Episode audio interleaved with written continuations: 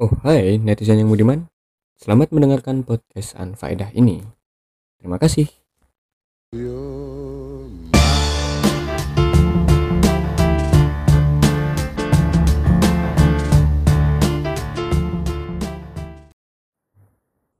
Tahun sudah berganti dan selamat menikmati tahun baru. Dan selamat meninggalkan kenangan tahun lalu dan selamat merayakan apa pun mungkin terlalu klise atau terlalu terlambat bagi kami untuk mengucapkan selamat tahun baru karena ini sudah masuk bulan Februari dan menurut saya tidak ada kata terlambat untuk mengucapkan selamat.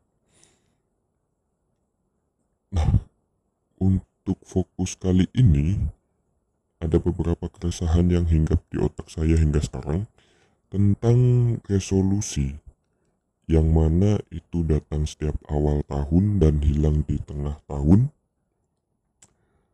Kalau kita merujuk di Kamus Besar Bahasa Indonesia, resolusi adalah putusan atau kebulatan pendapat berupa permintaan atau tuntutan yang ditetapkan oleh rapat. Pernyataan tertulis biasanya berisi tentang tuntutan tentang suatu hal tersebut. Nah, namun dewasa ini resolusi mengalami pergeseran makna. Itu perspektif saya sih sekali lagi. Yang benar-benar mengganggu adalah yang benar-benar mengganggu di pikiran saya khususnya adalah Benarkah saya bisa melakukan apa yang menjadi resolusi untuk tahun ini? Dan benarkah saya bisa mengerjakan secara konkret resolusi-resolusi itu dan menjadi satu hal yang benar-benar berguna bagi saya atau lingkungan saya. Dan mungkin problem seperti ini yang menjadi masalah bagi teman-teman semua atau teman-teman yang mendengarkan apabila teman-teman memiliki saran silahkan langsung di emailkan ke saya. Dan saya masih menancap di pikiran saya tentang pendapat dari Abraham Maslow tentang hierarki kebutuhan itu. Bisa di googling tentunya.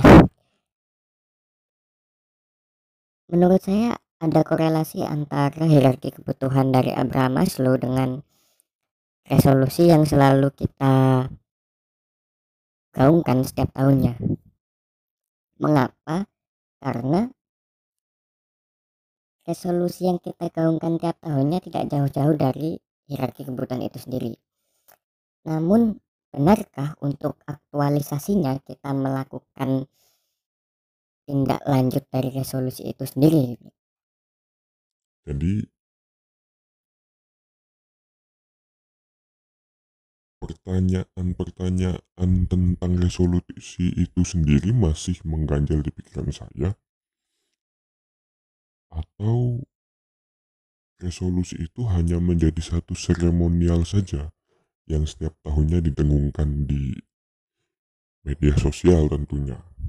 Mungkin itu jadi PR kita semua. Dan sekali lagi, aktualisasi diri tentang resolusi itu menurut saya benar adanya dan harus di follow up mungkin seperti itu keresahan di bulan kedua tahun baru ini. Silahkan tunggu untuk episode selanjutnya dan kami memberikan podcast ke depannya oleh saya sendiri tentunya audio slave dan untuk rekan saya yang biasanya saya ajak berkolaborasi telah membuat saluran podcast lain. Silahkan dilihat atau silahkan dicari di Liane. Dan salah satu teman saya juga membuka podcastnya sendiri. Nanti akan saya berikan di deskripsi. Dan selamat menjalankan tahun baru dan dengan skala rutinitasnya dan selamat untuk ditelan waktu. Mungkin itu